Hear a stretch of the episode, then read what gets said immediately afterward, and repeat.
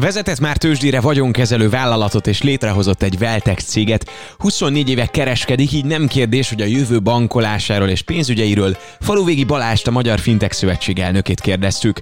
Lesz szó egy későbbi Refekt epizódban a technológiai háttérről is, most viszont alapozunk. A kripto csak hype, vagy tényleg ez az új fizetőeszköz? Mikor tűnik el a készpénz, mikor tűnnek el a bankok? És vajon mennyire ellenőrizhető ez az egész? Ez itt a Refekt, egy podcast a jövőről, a legmodernebb technológia szemüvegén keresztül. Egy podcast a hatékonyságról és a fejlődésről, az ipar, a számítástechnika és úgy általában a mindennapi élet szinterein. A házigazda Juhász Pálint. Balázs, a te bevételeid vagy fizetésed hány százaléka megy félre, mennyit fektetsz be, mennyit használsz fel? Hogyha lehet egy ilyen tanácsot adni, hogy mondjuk hogyan gondolkodjunk mi? Általánosságban szeretnék válaszolni a kérdésre. Az első probléma, hogy, hogy egy bevezetést is mondjak, hogy nyilván sokan vannak, akik egyszerűen nem tudnak annyi pénzt keresni, vagy éppen, hogy csak el tudják tartani magukat. Lakbért kell fizetni, vagy, vagy a rezsit kell fizetni, lakáshitelt kell fizetni, és egyszerűen nem, nem nagyon marad. Tehát nyilván ez szerintem a magyar lakosságnak legalább a 40%-ára igaz, de adott esetben ez 60-70% is lehet. Ezt nyilván nehéz megbecsülni. Tehát az a baj, hogy nekik, nekik ezzel kapcsolatban hiába mondom én azt, hogy tett félre a fizetésed 20%-át el fognak küldeni egy melegebb éghajlatra. Sajnos ez a helyzet. Aki viszont megteheti, a legalapvetőbb szabály szerintem az, hogy egy 10% az, a, az az abszolút minimum. Van egy olyan része a befektetés szakmai résznek, mondjuk itt a tudományágnak vagy a pénzügynek, hogy pénzügyi viselkedéstan ami tulajdonképpen azt mutatja ki, hogy az emberek azok nem racionálisan viselkednek, hanem alapvetően az érzelmeik befolyásolják, befolyásolják őket, ráadásul úgy, hogy ezt igazából észre sem vesszük. Ez a 70-es évek vége óta felívelő tudományák, tehát már többen kaptak érte Nobel-díjat is. Amit ez a tudományág nekünk tanít, arra nagyon-nagyon érdemes odafigyelni. És szerintem az egyik legjobb szabály, hogyha bármilyen módon nekünk megugrik az általános, a havi rendszeres jövedelmünk, legyen ez egy fizetésemelés, vagy, vagy nem tudom, valamilyen járadékot kapunk, vagy tényleg bármi lehet, vagy, vagy valamilyen folyamatos jövedelmünk van egy vállalkozásból, és ez megugrik, tehát egyszerűen mondjuk nem egy százalékkal tényleg, de 5-10 százalékkal megugrik manapság, ez viszonylag gyakori szerencsére bizonyos ágazatokban, akkor mondjuk azt, hogy me- megemeljük azt a pénzt, amit félreteszünk, de nem az abszolút, tehát a nominális összeget emeljük meg, hanem a százalékos összeget. Tehát például 20 százalékkal emelkedik a fizetésünk, akkor nem 20 százalékkal emeljük meg a megtakarításunkat, hanem mondjuk 30-al és köz, ezt csináljuk úgy, hogy valamivel több pénzt tudunk elkölteni, tehát most mondok valamit, nem tudom, valaki keresett 500 ezer forintot, és fölmegy, nem tudom, ez, ez ö, ö, 600 ezer forintra, ugye ez pont 20 százalék. Akkor eddig, ha 100 ezer forintot tett félre, akkor tegyen félre mondjuk 150 ezer forintot. Így még mindig 50 ezer forinttal többet tud elkölteni, de közben 50 százalékkal megnövelte a megtakarításait. És hogyha ezt folyamatosan valaki fokozatosan, konzisztensen végigcsinálja, akkor nagyon-nagyon szép pénzt tud összegyűlni néhány évtized alatt. Tehát itt a én ilyen gyors meggazdagodásos sémákat biztos nem fogok mondani, de, de, de tényleg egy-két évtized alatt már nagyon komoly eredményeket el lehet érni. Nyilván meg kell nézni az ilyen adózási dolgokat, TBS, NYESZ, nyugdíjpénztárak, stb., de összességében ez, ez, ez nagyon-nagyon hat, és azt mondja a pénzügyi viselkedésten, hogy mindig ezek a legjobb időpontok arra, hogy komolyan elkezdjük, vagy növeljük a megtakarításainkat. Tehát én is, én is próbálok erre odafigyelni, hogy amikor befolyik, főleg ha ezt tudjuk, hogy egy rendszeresen befolyó jövedelem növekedés lesz, akkor kell erre nagyon ráfeküdni, mert érzelmileg is jobb, könnyebben el is szánjuk magunkat erre a dologra. Na ez már valamilyen irány, amin el tudunk indulni. Szerettem volna egy kis alapozót ide az elejére, mert én is voltam nemrég hasonló szituációban, hogy mondjuk 10 ezer forinton maradt egy hétre, és bőven el voltam vele, sőt, még szerintem majdnem az egészet meg is tudtam spórolni, mint amikor viszont sokkal több volt a szemlámon, akkor meg eszetlenül költöttem. Most menjünk bele konkrétan a szakterületedbe. Ugye a Reflect hallgatók tájékozódnak a világ történéseiről, de biztos, hogy fogja olyan is hallgatni ezt az epizódot, aki mondjuk még csak a hírekben találkozott, vagy mondjuk egy ilyen cikk említés tekintetében a fintekkel. Mi is ezt pontosan kérlek mutas be, alapozzuk meg ezt is. Hát igen, a, a fintech kicsit olyan, mint az idő, hogy mindenki tudja, hogy mi az, aki, aki már részesült belőle, vagy, vagy, vagy találkozott vele, és az idővel nyilván mindenki találkozik, de hogy nagyon nehéz definiálni de tulajdonképpen ez a financial technology kifejezésből áll össze, hogy az első, ez egy mozaik szó, a fin és a tech az, az így áll össze, és tulajdonképpen olyan megoldásokról, olyan cégekről és olyan megoldásokról van szó, ami a pénzügyi szolgáltatásokat, legyen szó fizetési uh, szolgáltatásokról, folyószámlavezetésről, befektetési, biztosítási szolgáltatásokról, hitelezésről, könyvelésről például, elvileg teljes mértékben digitalizálja. Azért mondtam azt, hogy elvileg, mert a gyakorlatban jogi okok és üzleti, meg, meg ilyen kulturális okok miatt ez nem történik meg, de alapvetően a fintechnél a definíció az mégis az lenne, hogy, hogy teljes mértékben digitalizál egy folyamatot, a teljes spektruma, vagy a teljes, teljes láncon át. Tulajdonképpen erről van szó, tehát arról, hogy nekünk nem kell bemenni egy bankfiókba, hogy elintézzünk bármit, hanem mindent a mobilunkon keresztül el tudunk intézni, sőt, a legtöbb olyan dolog, ahol nekünk nem nincs igazán szükség az aktivitásunkra, algoritmusok teljes mértékben el fogják végezni ezt. Ha már itt befektetésről vagy megtakarításról volt szó, nekem ilyen régi veszőparipám, hogy teljes mértékben automatizáljuk azt, hogy valakinek vannak megtakarítása, és azt automatikusan egy rendszer tegye félre. Ez még nagyon-nagyon kevés helyen működik még az angol száz világban is, de azért, azért már ebbe komoly fejlődés van hiszen most te kapsz egy összeget, akkor tudod, hogy 10%-ot félre kell tenni, akkor már ott van az első probléma, hogy neked ezzel foglalkozni kell, még akkor is, ha csak a mobilodon vagy egy desktopon keresztül, de aktivizálnod kell magad, miközben ezer dolgod van. Szintén problémát jelenthet az, hogy te mondjuk lehet, hogy éppen megláttál valamit, és szívesebben elköltenéd, akkor itt bejönnek megint ezek az érzelmi dolgok, és akkor arról még nem is beszéltem, hogy utána ja, akkor mi befektessen, pontosan mennyi, mennyi idő múlva teljesül, ennek milyen költsége van, hogyan teszem, transferálom az egyik számláról a másikra. Szerintem az egész folyamatot teljesen le kéne venni az ügyfélnek a válláról. Nyilván úgy, hogy ő maga határozza meg a kereteket, tehát csak annyit kockáztat, és csak olyan befektetésbe mehet a pénz, amit ő, ő egyébként megengedett, de ezt egyszer megtette, és onnantól fogva az automatizmus végigcsinál mindent. És ez egy, csak egy példa arra, hogy a fintech mit csinál, hogy teljes mértékben digitalizálja az összes folyamatot, és nagyon-nagyon sok időt és, és energiát spórol meg a, a, a végsoron a végfelhasználók számára. Azt gondoltam volna, hogy ez már évek óta így van, mert mint hogy így digitalizálva vannak a folyamatok, de most ugye a definíciódnak köszönhetően tudtam magamban így igazán helyre rakni, hogy melyik az a bank, vagy melyik az a szolgáltatás, ami digitalizálva van. Mert hogy én nekem is kellett egy ilyen takarék bankszámlám után futkozni, az Isten tudja hol. A lényeg az, hogy akkor ez a jövő bankolása nem csak marketing szöveg, hanem mondjuk ilyen teljes struktúraváltásokról van szó. Hát a, a, általánosabban nyilván nem fog tudni válaszolni erre, mert van, ahol ez marketing szöveg, vagy részben marketing szöveg, van, ahol ezt komolyan is gondolják, és ezt nem olyan egyszerű kívülről eldönteni. Az a tapasztalatunk, hogy nagyon gyakran a, a technológiára a pénzügyi szolgáltatások esetén, egyébként nem csak, de főleg a pénzügyi szolgáltatások esetén egy ilyen rétegként tekintenek. Tehát például a legegyszerűbb példa az, hogy valaki mondjuk a sales tevékenységét, és ez most tényleg nem is pénzügyi, tehát ez bárhol előfordulhat, mondjuk a, a, az ügyfél adatbázist, azt, azt egy Excelbe vezeti. Ez a legprimitívebb példa, vagy legegyszerűbb megoldás. Az, hogy na, akkor valamilyen technológiát használjunk már rá, hogy nem kockás vezetjük. Nyilván ezen már azért lényegében mindenki túl van, most már vannak CRM rendszerek, stb. De még így is az a gondolkodás van, hogy a digitalizáció az nem gyökerestül változtatja meg a teljes üzleti folyamatot, a teljes értékláncot, a teljes tevékenységet, hanem azt mondják, hogy ez egy segítség a mi egyébként meglévő folyamatainkhoz képest. Tehát egy privát bank például azt mondja, hogy na jó, akkor nekem egy picit jobban kell kezelni az ügyfelet, kell neki riportokat kiküldenem, meg egyébként el is kéne neki adni újabb termékeket, meg egyébként jobb lenne, hogyha picit jobban átlátnám, hogy milyen portfóliója van, de egyébként mindent én csinálok meg, ez csak egy ilyen kis segítség legyen, hogy valamennyi időt spóroljak. És ez mindenképpen valamekkora előrehaladást okoz, de mi azt mondjuk, hogy kifejezetten az alapoktól kell átgondolni azt, hogy teljesen digitalizált legyen. Tehát egy olyan folyamatot alakítsunk ki, ami teljesen önműködően működik, és nem kell semmilyen emberi beavatkozást csinálni, beleértve szinte mindent. Nyilván, hogyha az ügyfél elvárja azt, hogy egy emberrel beszéljen, az ügyfelek 90 valány százaléka egyébként, főleg a fiatalok, inkább azt mondom, hogy a fiatalok 90 valány százaléka is mondjuk a, a teljes lakosságnak nem nehéz megmondani, attól függ, kinek mennyi pénze van, meg milyen a demográfia, de mondjuk 60-80 százalék az már egyáltalán nem várja ezt el. Esetleg, hogy telefonon tudjon valakivel beszélni. De a lényeg az, hogy úgy alkossuk meg a folyamatot, hogy ezt meg lehessen legalább csinálni, és akkor persze van egy emberi ilyen, ilyen oversight, egy ilyen emberi ellenőrző mechanizmus, hogy megnézzük folyamatosan, monitorozzuk, hogy minden rendben van-e. Tehát ez teljesen, teljesen így kell, hogy működjön. Tehát nem azt mondom, hogy teljesen vegyék át a gépek az uralmat, hanem, hanem az egész folyamatot képesek legyenek ellátni, mert sokkal hatékonyabb, gyorsabb, és egyértelműen ebbe az irányba mutat a jövő, tehát aki ebbe az irányba nem fog elmenni, akár ügyfélként, akár szolgáltatóként, az, az hatalmas versenyhátrányba fog kerülni. És ahogy a bankok digitalizálódnak, úgy a pénz is digitalizálódik. Jön a 100 millió forintos kérdés, el fog-e tűnni valaha a készpénz? Uh, szerintem igen. Tehát ha világtörténetben megnézzük, akkor azért mindig voltak készpénz helyettesítők is. Tehát most nem tudom, az őskorban, amikor még nem volt készpénz, már akkor kiderült az, hogy nem lehet mindent barterrel, meg ön fenntartóan, vagy nem biztos, hogy érdemes megcsinálni, és akkor kitaláltak olyan dolgokat, hogy nem tudom, kagylók például, voltak, volt az, az egy, egy ilyen közvetítő eszköz volt, ami az egyik funkciója a pénznek.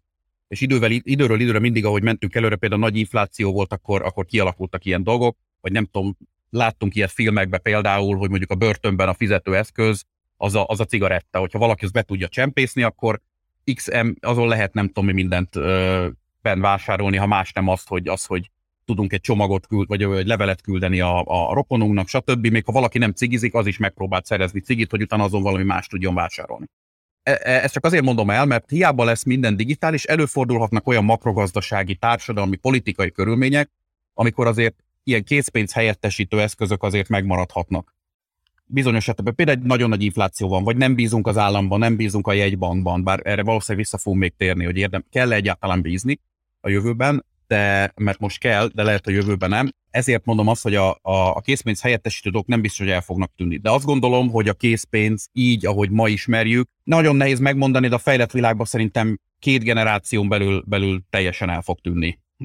Lehet, hogy mondom, ilyen készpénz helyettesítő dolgok időről időre fel fognak bukkanni. De egyébként igen, tehát lényegében most arra minden adott ehhez. Ugye ott van a mobiltelefon a zsebünkben, odaérintjük és kész. Vagy mondjuk előveszünk valamilyen applikációt, és átküldjük egymásnak a pénzt, és ott is van.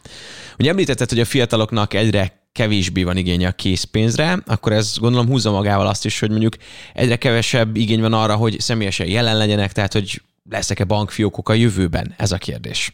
Amerre most megy az irány, ez, ez talán az egyik legnehezebb kérdés, amire jól nehéz válaszolni. Amerre én azt látom, hogy megy az irány, az az, hogy ilyen klasszikus bankfiókok már nem lesznek. Nem most, ez még messze van, tehát mondom, ez inkább két generáció, de ilyen ügyfélpontok például. Nem, sokan nem szeretik azt, hogy így hívják, igazából az is bankfiók. De azért ezek alaposan átalakultak, tehát nem az van, hogy van egy pult, és akkor ott minket ilyen sorszámra vagy valahol hívnak egy csomó helyen, hanem ilyen kicsit ilyen kávézó jellegű megoldások, vagy, egy, vagy a laptoppal csak leülnek elénk, és akkor ott megcsinálják. Nem tudom, hogy konkrét cégeket lehet-e mondani. Nyugodtan, nincs, persze. A, például a, a Magnetbanknak volt egy nagyon ügyes kezdeményezés, amit pár helyen meg is valósítottak, hogy lényegében egy kávézót egyben nyitottak a bankfiókkal, és tulajdonképpen olyan 80%-ban az már egy kávézó. Bemész elsőre nem is biztos, hogy észreveszed, hogy egy bankfiókba idézőjelben jársz, hanem egy olyan helyen jársz, ami kávézós, pár pénzügyi dolgot el lehet intézni, és nekem is volt ott ügyintézni valóm, Kikér, kikértem egy kávét, egy sajtortát, és egyébként meg leültünk egy asztalhoz, ahol laptoppal együtt leült a,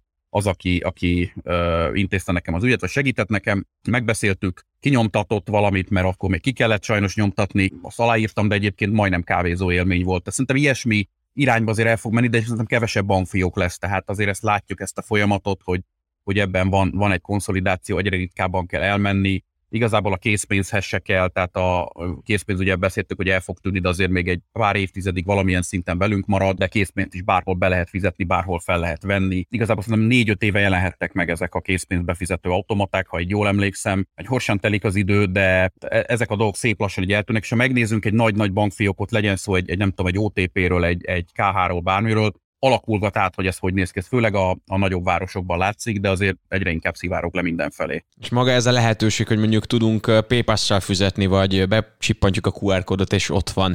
Ez a pénzpiaci szereplőket, vagy a pénzügyi piacot mondjuk húzza magával, vagy, vagy ilyen lemaradásból kullog? Hát ugye kérdés, hogy mit tekintünk pénzpiacnak, mert az egy nagyon-nagyon széles fogalom, de én alapvetően ez, ez mindenkinek, szinte mindenkinek jó, ha csak nem egy olyan szolgáltatóról van szó, aki kifejezetten abba utazik, hogy, hogy a készpénznek bármilyen módon a, a szállításával, logisztikájával, ilyesmi, de ez egy nagyon szűk szelet. De összességében ez egy támogató közeg a, a pénzpiacnak, a tőkepiacnak. Általánosságban az nagyon jó, hogyha gyorsabban áramlik a pénz és kisebb költségekkel. Nyilván maga számára egy darabig megpróbál minél magasabb költségeket adott esetben áthárítani az ügyfeleknek, de olyan verseny van, hogy ez, ez egyre kevésbé működik. Magyarországon egyébként kifejezetten lemaradóak vagyunk ezzel kapcsolatban, tehát nagyon magasak a banki meg a pénzügyi költségek. Most nem katasztrofálisan magasak, de, de európai szinten belül is az egyik legmagasabb. De, de azért még így is látszik az, hogy a, hogy a verseny ezeket nyomja lefelé, és általában a piaci szereplők, ha másért nem a saját maguk költségei miatt mindenképpen örülnek annak, hogyha, hogyha ez gyorsabb, hatékonyabb, meg olcsóbb. Úgyhogy, úgyhogy én, én támogató közeget észlelek szinte mindenhonnan ezzel kapcsolatban. Említetted, hogy máshol jobb a helyzet, hol a legjobb a helyzet Európában? Mit lenne érdemes másolni? Hát talán a legjobb az Egyesült Királyságban, meg talán egy-két ilyesmi hely. Bizonyos szakterületeken mondjuk, mondjuk Luxemburg például egy jó példa, vagy, vagy Litvánia, bár ebben, ebben komoly Észtország, mondom, itt vannak azért komoly véleménykülönbségek, de gyorsan elmondom, hogy mire gondolok. Alapvetően arról van szó, hogy ezek az országok az Egyesült Királyságban talán nem is annyira fókuszáltan, de rámentek egy bizonyos területre, és azt mondták, hogy amennyire csak lehet megkönnyítjük a, a szabályozást és a működést az oda telepedő startupoknak, vagy akár nagyobb cégeknek is. És azért az angol felügyelet, az FCA az például az egy, egyik első volt a világon, amely egy úgynevezett regulatory sandboxot indított, aminek az a lényege, hogy befogad startupokat, akiknek valamilyen fintech startupokat valamilyen újítása van, és bizonyos keretek között, ez a sandbox az ugye ez a homokozó, egy ilyen gyerek, gyerek játszótér tulajdonképpen, és ad nekik egy olyan ö, lehetőséget, hogy, ö, hogy kipróbálhassák a szolgáltatásukat, szolgáltatás legyen ez, tehát valamennyi ügyfelet, mert tipikusan azt mondják, hogy 100 ügyfélnek, 200-nak, 1000-nek el lehet adni, és akkor, ö, hogyha ez jól működik, akkor lehet, hogy egy picit át is alakítom a szabályozást, kapsz egy, kapsz egy engedélyt, és akkor ez az, ha az ügyfeleknek is jó, ha teljes ökoszisztémának jó, akkor miért is ne ö, csinálnánk. És ebben például nagyon jók voltak. Luxemburgban ö, oda ö, vonzották a, a befektetési alapkezelőket nagyon jó szabályozással. Nyilván ehhez kell egy infrastruktúra is, kell egy kell uh, humán erőforrás is, nem nagyon szerettem ezt a szót, de sok szakember kell, hogy kell, legyen elegendő. Uh, Litvániában nagyon megkönnyítették a, az engedélyezést, de úgy, hogy azért az európai szabályoknak megfelelnek, hiszen Európai Unión belül vagyunk. Ugye a Revolut is az egyik legismertebb neobankot szerezte meg az európai engedélyt, miután a, Brexit miatt a, a, a londoni engedély az nem volt érvényes már az európai országokra. Észtország amúgy is előre jár a, jár a digitalizációba. Tehát egyrészt a digitalizációt azt ne ellenségnek, ne egy ilyen leküzdendő problémának gondoljuk, hanem egy lehetőségnek elsősorban a fogyasztók számára, és tegyük amennyire lehet a szabályozást könnyedé. Persze úgy, hogy azért a, a, a, az ügyfélbiztonságot azt azért tartsuk szem előtt, de ne, akar, ne akadályozunk szándékosan. És azért a legtöbb országban ö, állami szinten inkább az ellenállása jellemző, vagy egy nagyon-nagyon lassú adaptáció. És én szerintem érdemesebb előre menni. Tehát az elsők között lenni. Nem, nem szó nélkül vakon rohanni bele a vakvilág, vagy a nagyvilágba, de hogy, de hogy érdemesebb előre menni, mert nagyon sok pénzt, nagyon sok befektetést be lehet hozni ilyenkor egy, ezekkel az országba. Ugye említetted a Revolutot, mindenkinek ott van a zsebében, van benne egy olyan opció, hogy kriptovaluta. Miért ilyen nagy a hype körülötte most, ugye a Covid-ban mindenki unatkozik és nyomogatja, játszik a pénzével? Vagy szerinted mi lehet ennek az oka? Részben a Covid azért az nem most kezdődött. A, a teljes kriptopiacnak az elsődleges hajtóereje nagyon sokáig az volt, és tulajdonképpen még talán most is jó részben az, hogy ö, ugye kétfajta, ö, nem, hát többfajta, de hogy kétfajta pénzt különböztethetünk meg. Van ez a, van, van ez a úgynevezett fiat currency, amit a jegybanki kibocsát. Kis túlzással azt lehet mondani, hogy igazából eldöntik, hogy mekkora összeget engednek rá a gazdaságra, meg a, meg a pénzpiacokra. Tulajdonképpen az ő bennük lévő bizalom az, ami, ami megtartja a pénznek az értékét. Tehát ha mi azt mondjuk, hogy nem hiszem azt el, hogy én kapok ezer forintot, akkor az fog holnap érni valamit, akkor, akkor vagy elmegyek abból az országból, vagy villámgyorsan elköltöm, de minden, és ha mindenki így gondolkodik, abból nyilván egy káosz alakul ki hiszen akkor egymástól se fogjuk tudni elfogadni azt az ezer forintot. A fejlett országokban azért ez jellemzően, főleg mostanában az utóbbi évtizedekben ez nem volt komoly probléma, de azért ez a, ez a levegőben mindig ott, ott, ott van. Most nem Törökországot tudnám említeni, ahol ö, makro gazdasági, kormányzati döntések miatt nagyon súlyos infláció alakult ki az országba, és a, a török lira is nagyon súlyosan leértékelődött, tehát ott a bizalom alapvető szinten rendült például meg. És akkor van a másik fajta, ami az utóbbi időben jött elő, 2008-ban írta azt hiszem azt a white papert a, a Satoshi, akiről mai napig nem tudjuk pontosan, hogy kicsoda, hogyan lehetne ezt jól megcsinálni, úgyhogy ez decentralizált legyen. Tehát nem egy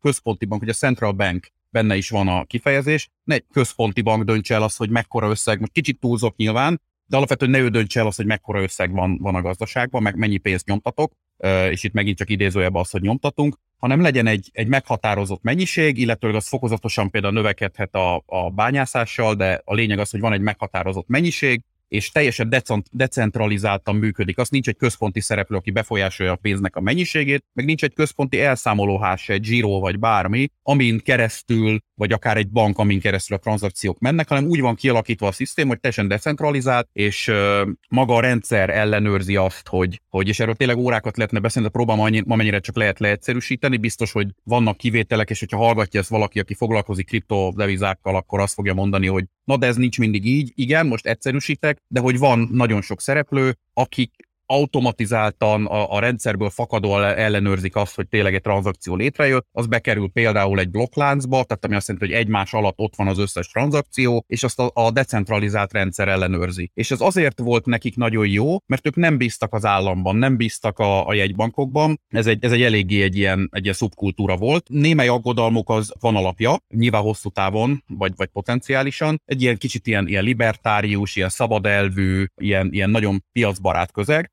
de idővel, ahogy ez ment fölfelé, és látták azt, hogy azért ebben a, a blokklánc technológiában van egyéb megoldás is, értékpapírok elszámolása például, vagy, vagy, vagy logisztikai kérdések, nagyon sok minden, úgy egyre inkább mentek ezek fölfelé, és egy idő után most már azért eléggé átvette, bár az utóbbi két-három hónapban nem éppen szárnyalt a legtöbb kriptoeszköz, átvette egy ilyen, egy ilyen tulajdonképpen egy, egy, egy spekulatív jellegű ilyen pénzbeáramlás, ahol nagyon sok kis, de lassan most már közép és in, spekuláns, vagy akár intézményi befektető is azt mondta, hogy na érdemes akkor egy-két-öt százalékot az összes eszközből ebbe allokálnom, és akkor, és akkor így tulajdonképpen beáramlott a pénz, tehát van egy ilyen spekulatív jellege is ennek. Sokáig azt hitték, hogy a bitcoin az majd képes lesz teljesen kiváltani a fizetési rendszereket. Én, én nem mondom azt, hogy ez teljesen lehetetlen, így a mai formájában nyilván nem, de egyébként, hogy teljesen lehetetlen, hogy egy kriptoeszköz ezt meg tudja csinálni, de elsősorban ma már a piac nem erre koncentrál, hanem arra, hogy ez egy ilyen, ez egy ilyen befektetési eszköz, egy önálló eszközosztály tulajdonképpen, és igazából mostantól már, már elsősorban ezt fajtja, nem is ez a, ez a korábbi szubkultúra, amelyik még mindig megvan,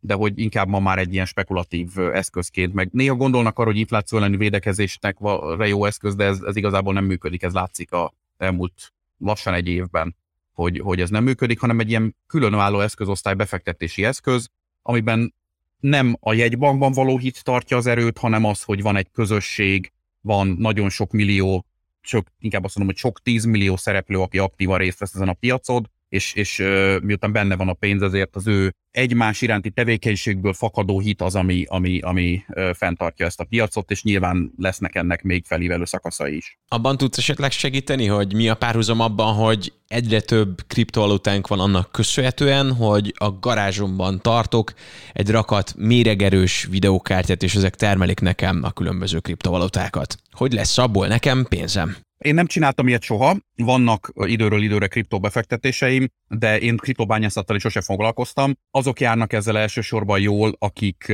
vagy nagyon jók abban, hogy optimalizálni tudják a hardvereknek a működését. Vannak ilyen, ilyen farmok, ahol nem tudom, ilyen feltörekvő országokban, régebben Kínában is sok volt, most már ugye ott betiltották ezt elvileg, de hogy nem tudom, feltörekvő országban lehet ez közép-ázsiai ország, vagy nem tudom, dél-amerikai ország, ahol valamiért viszonylag olcsó az áram, és, és közben meg, meg viszonylag olcsó lehet üzemeltetni ilyen kicsit ilyen, majdnem azt mondom, hogy szerverparkokat, hanem is olyan profi, mint mondjuk egy, egy nem tudom, egy, egy Amazon vagy, vagy Microsoftos felhőt, tehát nem feltétlenül így kell elképzelni.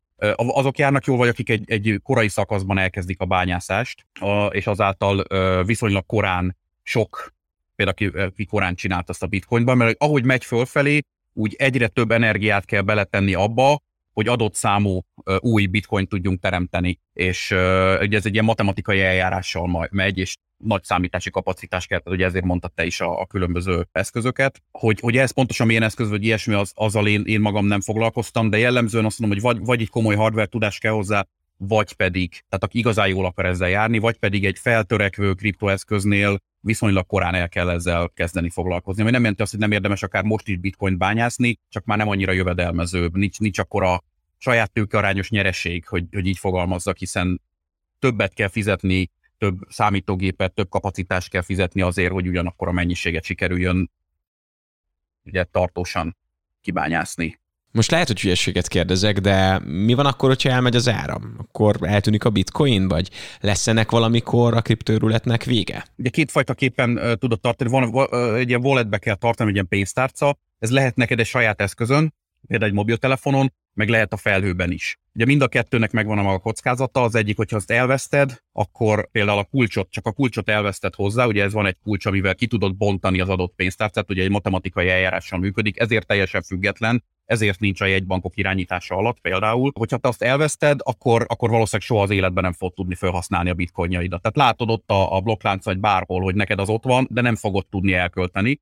Volt is most egy ilyen eset, azt hiszem egy Velszi informatikus volt, aki elvesztette az ezzel kapcsolatos kulcsot, és, és valami nagyon sok pénzt. Nem elvesztette, kidobták neki, nem tudom, kidobta a takarítást. Tartott el a takarítást, és a Winchester, ami rajta volt, az Hallottad ezt az esetet, és hát akkor szerencsétlen így keresgéli a, a, a szeméttelepen, vagy volt az a sorozat Szilícium völgyről szólt, mindjárt eszembe jut a neve, ott is volt egy ilyen figura, aki, aki több száz millió dollárt fektetett bitcoinba, és aztán elvesztette a pendrive-ot, amin a kulcs volt, és utána azzal foglalkozott, hogy hát azért maradt még valamennyi pénze, tehát nem szegényedett el, hogy, hogy ilyen szegény indiai bevándorlókat szerződtetett, hogy túlják át a, a szeméttelepet, tehát nyilván egy kicsit ilyen viccesen volt elhozva, de ez egy létező dolog. Tehát az egyik, a másik az, hogy online van, mondjuk akkor se veszítsd el a kulcsot, abban az esetben meg, meg azért nem teljesen lehetetlen, hogy az feltörik, de ez egyébként egy banki alkalmazással sem teljesen lehetetlen, nem valószínű, ha az ember alaposan körüljárja ezt a dolgot, de nem teljesen lehetetlen. Szóval elmegy az áram, akkor ugye az a kérdés, hogy nem tudom, hogy te például otthon akarnál fizetni mondjuk online valamin, akkor nyilván elmegy az áram, nincs VPN-ed vagy valami,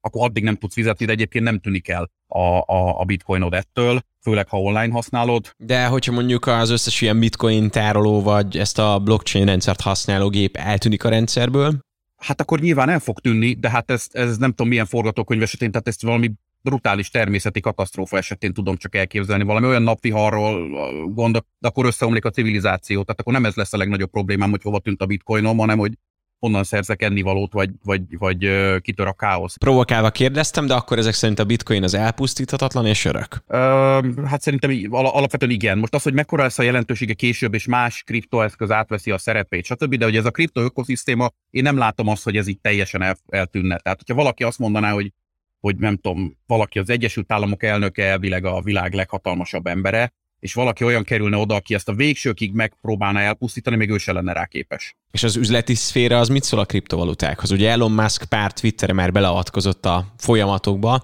de a vállalatok azok hogyan állnak ehhez? Hát sokan vannak, akik, tehát már nagyjából mindenkinek leesett az, hogy ezzel foglalkozni kell, vagy foglalkozni kell, foglalkozni érdemes, de még nem nagyon tudják azt sokan, hogy hogyan kezdjenek hozzá. Van, akinek már saját tokenjei vannak például, tehát saját ilyen mondjuk az, hogy kriptoeszközt bocsátott már ki, például van, aki, aki befektetett ebbe, van, aki csak így vizsgálgatja, hogy hogyan lehetne ezt, ezt jól megcsinálni. Most pont 10 perc, nem 10 perc, 10 perc azelőtt, hogy elkezdtük ezt a beszélgetést, azelőtt küldte át nekem valaki a Nike-nak az egyik álláshirdetését az Egyesült Államokban, ahol uh, ilyen nagyon technológiai uh, IT szakembereket keresnek. Uh, részben azért részben ilyen metaverzum oldalról, ami szintén most egy nagy buzzword, részben benne volt az, hogy, az, hogy valaki nagyon jól ismeri a kriptovilágot, mert valószínűleg a Nike, ugye, aki cipőket, meg nem tudom, sportruházatot gyárt, szeretne saját tokent kibocsátani. Az is lehet, hogy kibocsátottak, nem tudom, sok ezer cég van, tehát ezt fejből meg nem mondom, de hogy többet szeretne, meg jobban rá, rá szeretne feküdni erre a területre, és oda van írva, hogy a Nike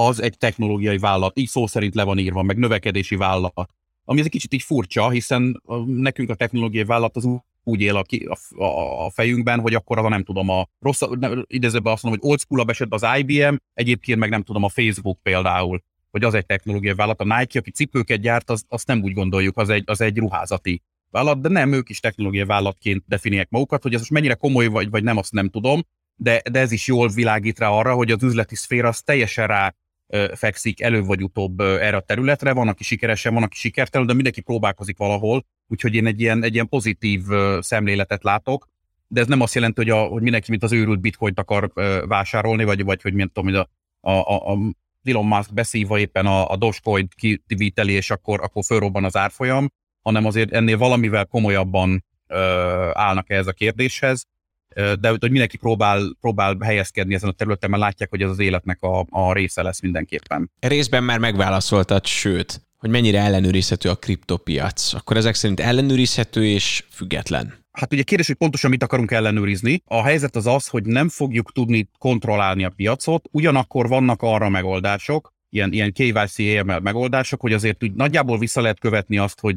hogy elvileg ez teljesen anonim. Tehát nekem van egy, van egy, egy ID-m, és akkor ahhoz tartozik valamennyi bitcoin mondjuk, vagy, vagy bármilyen más kriptoeszköz, vagy nem bármilyen, de hogy sokfajta kriptoeszköz különböző ID-kon is akár. Ha én semmilyen módon nem fedem föl azt, hogy az ID mögött kiáll, hiszen a mai napig nem tudjuk, hogy a bitcoin kitalálója kicsoda, és neki vannak, van, vannak ugyanúgy, tehát az, a bitcoin piac egy része az övé, nem is kicsi része, tehát nagyon meggazdagodott ebből, de nem tudjuk ki a személyazonossága, de vannak azért alkalmazások arra, hogy ez így nagyjából visszakövethető legyen. De hogyha valaki úgy dönt, hogy, hogy ő elmegy a, nem tudom, az őserdő mélyére, és ott valami műholdas kapcsolattal foglalkozik ezzel az egésszel, és egyébként soha semmit nem vásárol sehol, tehát nem történik az, hogy vannak ugye helyek, ahol bitcoinnal tudsz vásárolni. Akár konkrét fizikai üzlet is bemész és és ott egy bitcoin tranzakciót végrehajtasz, hogy a Budapesten is vannak ilyenek, akkor semmilyen módon nem lehet azt visszakövetni, hogy na ő most konkrétan kicsoda. Tehát ebből a szempontból ilyen pénzmosási meg egyéb okokból ezt nem lehet olyan könnyen visszakövetni, ugyanakkor teljesen betiltani sem lehet. Vannak ilyen országok, akik ezzel, akik ezzel megpróbálkoznak, de ott azért fű alatt nyilván lehet valamilyen szinten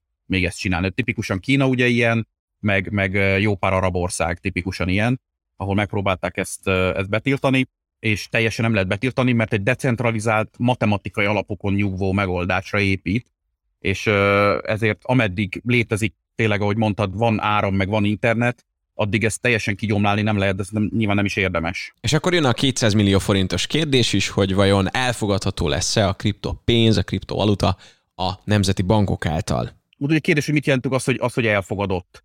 Tehát jelen pillanatban az egész ez úgy működik, hogy, hogy így nagy rész meg van tűrve és látják azt, hogy ezt nem lehet eltüntetni, és igazából nem is feltétlen akarják eltüntetni. Adaptálódnak is hozzá, ugye van ilyen digitális jegybankpénz, de ez egy kicsit szerintem fából vaskarika. Nyilván valamilyen szinten elő, előrelépés, de nem, nem helyettesíti azt, ami, ami, ami most a kriptopiacon megy, de, de hogy ha tényleg úgy említettem, hogy Kína meg az arab országok kivételével alapvetően ez egy megtűr dolog, nincsen rá önálló jogszabály, ezért egy csomó meg lehet csinálni kriptóba, amit mondjuk egy normál pénzzel nem lehet, tipikusan ilyen portfóliókezelés, egyéb befektetési szolgáltatások. Ez biztos, hogy nem fog így maradni. A legtöbb esetben vagy ilyen pénzmosási jogszabály, meg, meg, meg ilyen adózási jogszabályok vonatkoznak rá. Tehát mondjuk Magyarországon is volt egy, nem azt mondom, hogy elfogadott eszköz, de nem volt definiált eszköz ez a dolog, ezért nagyon sokáig nagyon rossz adózással lehetett adózni a kripto, kripto eszközökön elért árfolyamnyerességet például, de ezt például tavaly májusban, ha jól emlékszem, megváltoztatták. Tehát ebbe is volt egy ilyen előrelépés, hogy oké, okay, látjuk, hogy van ilyen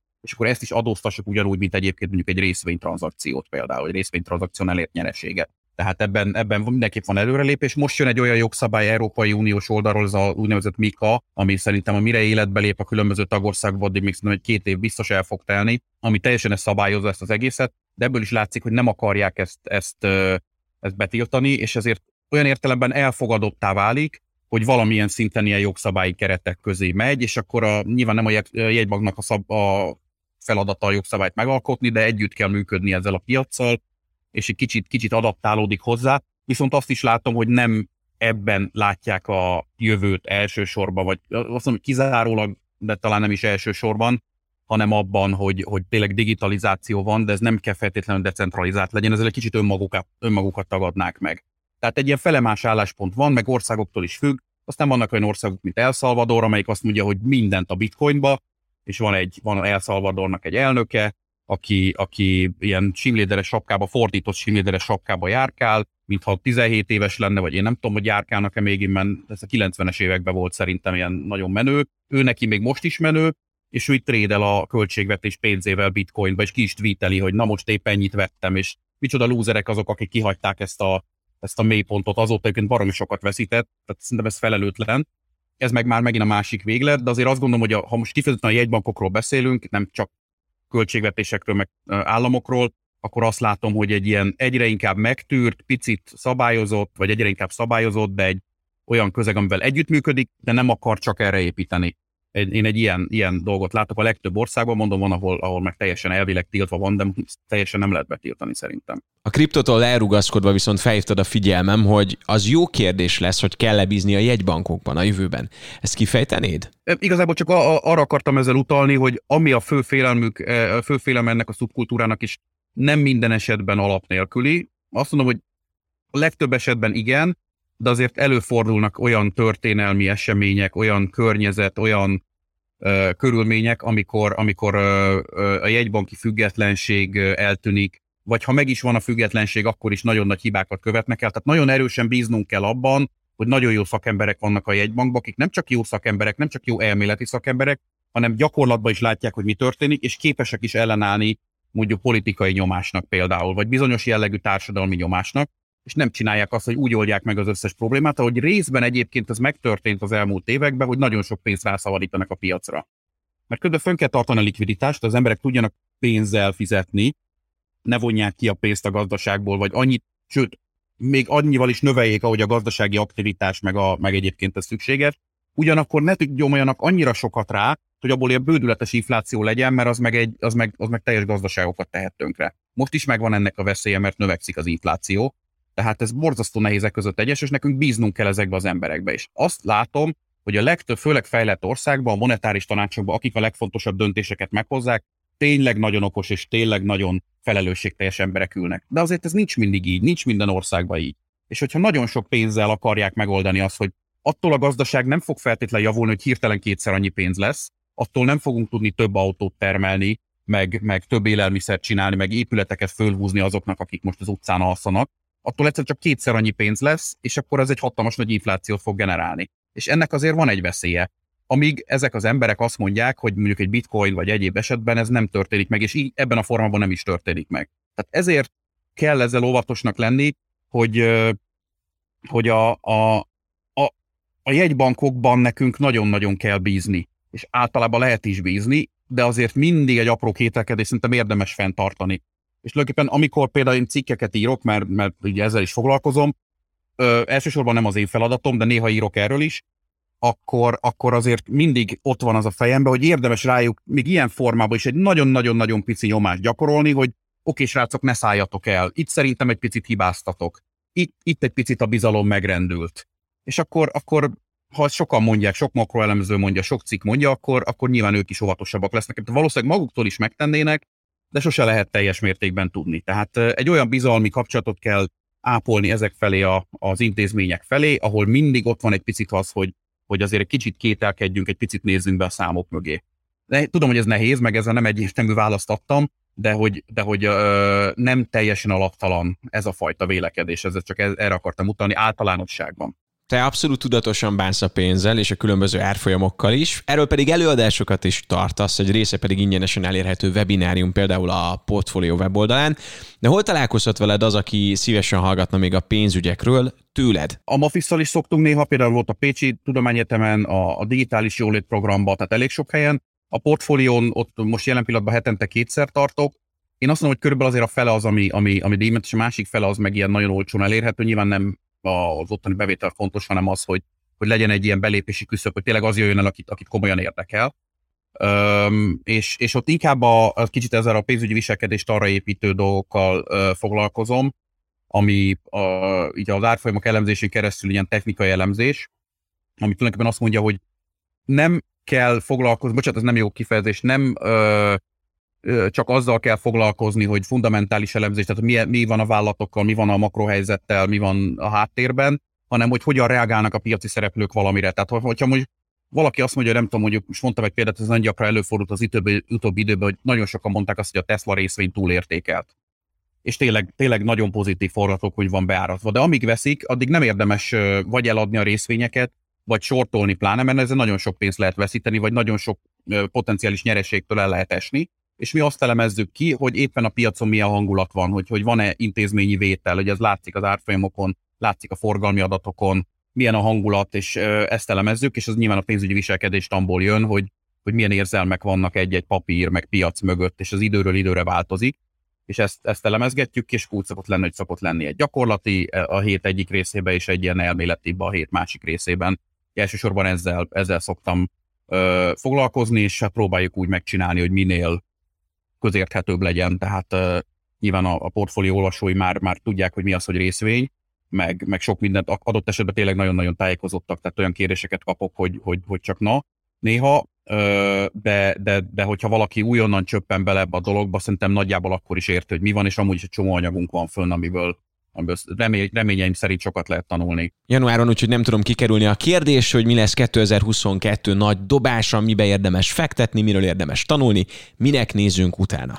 Igen, hát én, én az egészet ezt úgy szoktam kezelni, hogy, hogy rugalmasan, tehát én nem tudom megmondani azt hogy, azt, hogy mi lesz decemberben, meg mi lesz az igazán nagyon nagy sztori. Nyilván azért látunk tendenciákat. Az, ami, ami látszik, az egyik legizgalmasabb történet, egy nagyon rövid pontra említettem már, az a metaverzum, ami tulajdonképpen egy ilyen nagyon leegyszerűsítve egy ilyen virtuális világ, ahol akár csak egy ilyen, akár egy ilyen virtuális szemüveggel, 3D szemüveggel be lehet lépni, és akkor ott más emberekkel lehet kommunikálni ilyen, ilyen artificial, ilyen mesterségesen megkreált világ körülményei között, de akár úgy is be lehet lépni csak egy mobil képernyőjén keresztül, és tulajdonképpen a legtöbb technológiai cég, főleg a, a Facebook, amely át is nevezte magát Meta Platform névre, de még a Nike, ugye a Nike-t is említett, tehát a Microsoft, stb. nagyon sok ilyen cég van, de még a Nike is abban az álláshirdetésben, amit pont itt láttam egy órával ezelőtt kb., ilyen metaverzum szakértőt is keres. Tehát még a Nike saját metaverzumot akar építeni, mert úgy látják, hogy a közösségépítésnek, meg a, meg a fogyasztó lojalitásnak ez egy terepe, ahol az ember belép, és egy külön világban ott van, és úgy kommunikál azokkal az emberekkel, akik ott vannak. És akár fölvehet más identitást, játszhatott, szórakozhat, beszélgethet az emberekkel. Most ez úgy működik, hogy így mondjuk, mintha most Skype-on beszélnénk, csak nem azon a platformon vagyunk, vagy valami ilyesmi, hogy, hogy sokkal inkább belekerülünk mélyebben ebbe az egészbe. Tehát vagy csetelünk és beütjük, de ott meg fölveszük a szemüveget, vagy ott van a, előttünk a, a mikrofon, és úgy beszélgetünk, és közben látjuk is egymást, a saját virtuális ö, ö, valónkat látjuk. És ez nyilván óriási számítási kapacitás ö, kell, tehát az ilyen felhőszolgáltatók is nagyon erősek, azok, akik ezeket a platformokat fogják nyomni, azok lehetnek erősek. Kérdés, hogy ez mennyire fog bejönni, egyelőre én még nem látom, én még nem vágtam bele, de nagyon közelről figyelem, nagyon sokan bizakodnak kollégáim közül is ezzel kapcsolatban, és persze az olyan cégek, amik biztosítják ez a szoftvert például. Tehát ezeket nagyon érdemes megnézni. Szerintem a legvalószínűbb, hogy a nagy sztori az ez lesz 2022-ben, a másik meg az, hogy azért nagyon volatilis részvénypiacokra, meg pénzügyi piacokra számítunk. Tehát lesznek itt nagy esések is. Az, hogy ez trendfordulót jelente, vagy nem, azt nem tudom most megmondani. Nyilván a kamatemelések, meg az infláció veszélye miatt, ez, ez, vagy az infláció miatti kamatemelések miatt ez elég nagy veszély de hogy ha nem is lesz egy trendforduló, hirtelen nagy esések biztos, hogy lesznek, az, a, a, a, az arra azért mernék fogadni úgyhogy a volatilitás még nagyon meg fog nőni, ez meg egy másik nagyon nagy sztori lesz, azt gondolom. Hát Balázs, nagyon szépen köszönjük, hogy bemutattad a fintech világát, megmutattad, hogy mit mutat a kriptó, meg hogy merre megy a tőzsde, illetve hogy hol tudunk vele találkozni. Pénzügyileg szerintem hatalmasat léptünk előre, pláne aki még nem hallott ennyit erről. Köszönöm szépen, hogy elfogadtad a meghívást, és itt voltál velünk. Én is nagyon köszönöm, remélem, hogy tudtam egy kis kedvet csinálni, azért azt mindenképpen elmondanám, hogy kockázatos dolgokról van szó pénzügyi szempontból, tehát mindenki fokozatosan, lassan és minél több elméleti és gyakorlati tudással felvértezve vágjon ebbe bele, de érdemes, csak, csak fokozatosan, tehát ha már, ha már az én nevem is ez, akkor ne hű bele Balázs módjára történjen ez meg, hanem, hanem tényleg szépen fokozatosan, óvatosan, és, és remélem, hogy, hogy egy picit ebből át tudtam adni, és köszönöm szépen én is a meghívást. Ez volt a Refekt, Juhász Bálintal. További tartalmakért, epizódokért keres bennünket a Spotify-on, az Apple Podcast-ben és a további podcast platformokon.